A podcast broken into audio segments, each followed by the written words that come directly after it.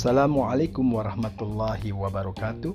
Rekan-rekan yang budiman, izinkanlah kembali pada kesempatan kali ini saya akan berbagi pengetahuan dan pengalaman seputar hal-hal yang terjadi di dalam dunia kerja. Pada kesempatan kali ini saya akan membahas mengenai negosiasi.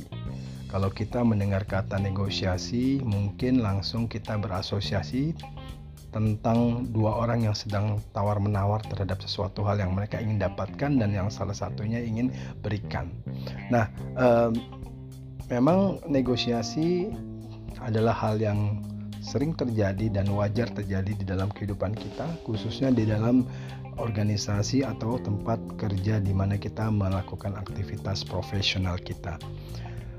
Menurut Stephen Robin dalam bukunya Organizational Behavior yang dimaksud dengan negosiasi adalah proses pertukaran barang atau jasa antara dua pihak atau lebih dan masing-masing pihak berupaya untuk menyepakati tingkat harga yang sesuai untuk proses pertukaran tersebut.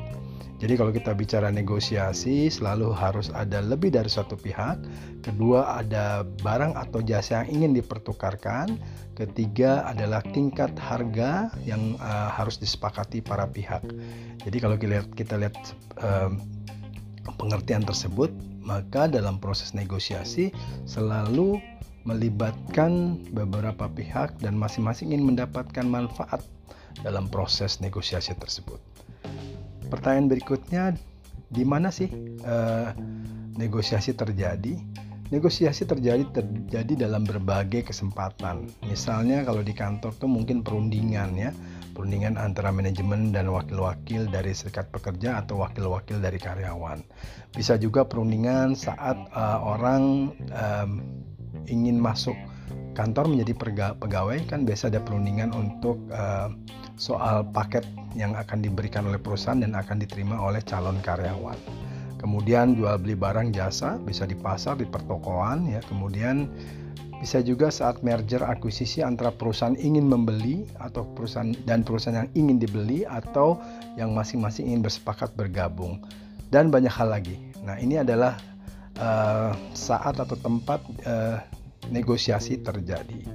Kemudian um, kapan sebenarnya sih proses negosiasi perlu dilakukan gitu ya? Apakah semua hari itu harus di, harus dinegosiasikan? Nah, negosiasi itu perlu dilakukan bila satu kita tidak mempunyai kekuasaan untuk memaksakan suatu hasil yang kita inginkan. Yang kedua, terjadi konflik antar pihak yang masing-masing pihak tidak mempunyai cukup kekuatan atau mempunyai kekuasaan yang terbatas untuk menyelesaikannya secara sepihak. Yang ketiga, keberhasilan kita dipengaruhi oleh kekuasaan dan otoritas dari pihak lain. Jadi kalau kita ingin mendapatkan sesuatu, sementara kita sadar bahwa kemampuan kita tidak bisa sepenuhnya mendapatkan itu, maka kita harus bernegosiasi dengan orang yang memiliki uh, hal yang kita inginkan. Atau apabila misalnya terjadi konflik untuk merebut suatu sumber daya yang memang tidak bisa sepenuhnya dimiliki oleh para pihak yang ingin mendapatkannya, maka para pihak tersebut harus uh, bernegosiasi. Jadi itu adalah saat yang tepat terjadinya uh, negosiasi, gitu ya.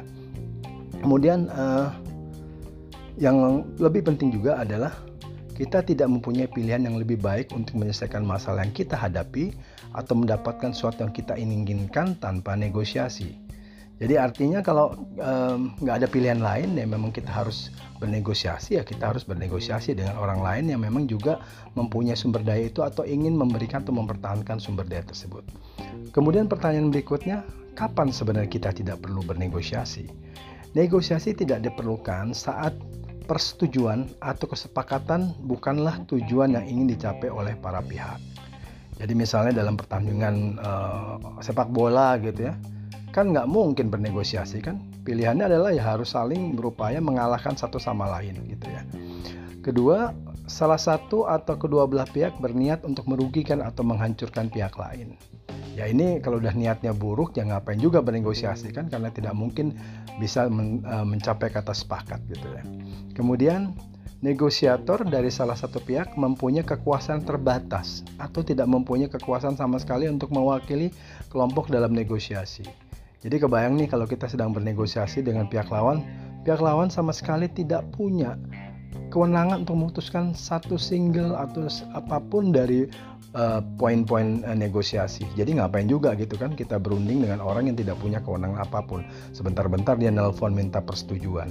Makanya kalau dalam proses perundingan biasanya tim negosiasi itu meminta uh, kewenangan dari pemberi uh, kewenangan itu batas-batas di mana mereka bisa memberikan, menolak atau uh, menahan gitu ya. Kalau tidak ada kewenangan yang jelas, biasanya proses negosiasi akan menjadi lambat dan bisa jadi deadlock gitu ya. Kemudian uh, yang juga kita perlu pertimbangkan adalah yang perlu kita ketahui adalah kondisi-kondisi yang diperlukan untuk terjadinya negosiasi. Setidaknya satu adalah ada dua pihak yang terlibat. Ini kondisi yang harus, kalau tidak tidak mungkin namanya negosiasi. Kemudian setiap pihak mempunyai kepentingan dan tujuan yang ingin dicapai. Yang berikutnya adalah kondisinya adalah setiap pihak harus memahami peran dan kebutuhan-kebutuhan pihak lain. Yang terakhir, setiap pihak seharusnya percaya bahwa negosiasi akan memberikan manfaat, kesempatan, dan keuntungan. Jadi kalau mereka sendiri tidak trust bahwa proses negosiasi akan memberikan manfaat ya jangan bernegosiasi gitu. Kira-kira seperti itu pemahamannya. Kemudian uh, dalam negosiasi ada beberapa konsep-konsep atau istilah-istilah yang mungkin kita perlu ketahui. Jadi ada setidaknya tiga hal nih yang penting kita ketahui. Pertama apa yang disebut dengan BATNA. BATNA itu adalah singkatan dari Best Alternative to a Negotiated Agreement yaitu adalah langkah-langkah atau alternatif-alternatif yang akan dilakukan oleh seorang negosiator bila negosiasi tidak mencapai kesepakatan. Ini contohnya misal gini, kita sedang bernegosiasi nih tentang uh, pindah kerja gitu ya. Pilihannya kan kita mau pindah kerja misalnya dengan naik gaji 30% misalnya plus uh, dapat tunjangan dan fasilitas-fasilitas lain gitu kan. Kemudian uh, ternyata apa yang terjadi adalah mungkin tidak seperti yang kita harapkan. Pilihan kita, jadi batna kita adalah apakah kita akan tetap bekerja di tempat sekarang atau mungkin uh, menerima tawaran-tawaran yang diberikan oleh pihak perusahaan tempat kita ingin bekerja. Nah, itu disebut sebagai batna. Jadi kita selalu ada ada alternatif-alternatif solusi apabila yang kita minta itu tidak disetujui. Termasuk pilihan solusinya adalah dalam kasus ini bertahan di tempat kerja saat ini. Kemudian ada yang disebut sebagai reservation price. Reservation price itu adalah nilai atau tawaran terendah yang dapat diterima sebagai sebuah kesepakatan dalam negosiasi. Ini kalau misalnya nih bahasa sehari-harinya nih angka paling minimum yang minimum yang kita bisa terima untuk menerima kesepakatan. Misal contoh kalau kaitan tadi dengan uh, tawaran pekerjaan. Kita katakanlah gaji kita sekarang 10 juta gitu ya. Harapan kita kita bisa naik 30% mungkin sekitar 13 juta gitu. Tapi kita masih bisa terima setidaknya ya setidaknya 12 juta. Jadi 12 juta itu adalah reservation price kita. Artinya di bawah 12 juta gaji baru kita tidak akan eh, menerima tawaran untuk pindah kerja. Nah, itu disebut sebagai reservation price. Nah, reservation price kita dalam proses perundingan ini tidak boleh diketahui oleh pihak lawan atau pihak uh, partner berunding kita. Karena kalau diketahui ya terus sudah kebaca ya kita akhirnya tidak dalam posisi berunding yang cukup kuat gitu ya. Kemudian ada yang disebut sebagai ZOPA. ZOPA itu Zone of Possible Agreement yaitu zona atau area yang memungkinkan terjadinya kesepakatan dalam proses negosiasi. Kembali kalau pada contoh tadi tawaran pekerjaan, kita berharap uh, dapat 13 juta dari gaji sekarang 10 juta, kemudian kita masih bisa terima uh, eh, 12 juta gitu ya. Sementara pihak yang menawarkan pekerjaan itu uh, hanya bersedia menawarkan kenaikan gaji 11 juta, maksimum uh, 12,5 juta. Jadi, angka antara 12 dan 12,5 juta adalah yang disebut sebagai ZOPA, Zone of Possible Agreement. Artinya antara kita dan pihak perusahaan tempat kita ingin bekerja bisa mencapai kesepakatan di angka 12 juta dan 12,5 juta. Nah, itu yang disebut sebagai ZOPA.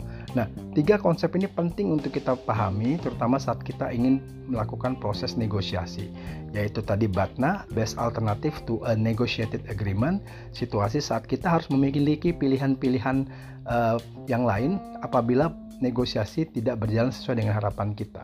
Kedua, reservation price itu adalah angka minimal atau posisi minimal yang kita bisa terima dalam proses negosiasi. Nah, reservation price ini tidak boleh diketahui oleh pihak uh, lawan berunding atau partner berunding kita.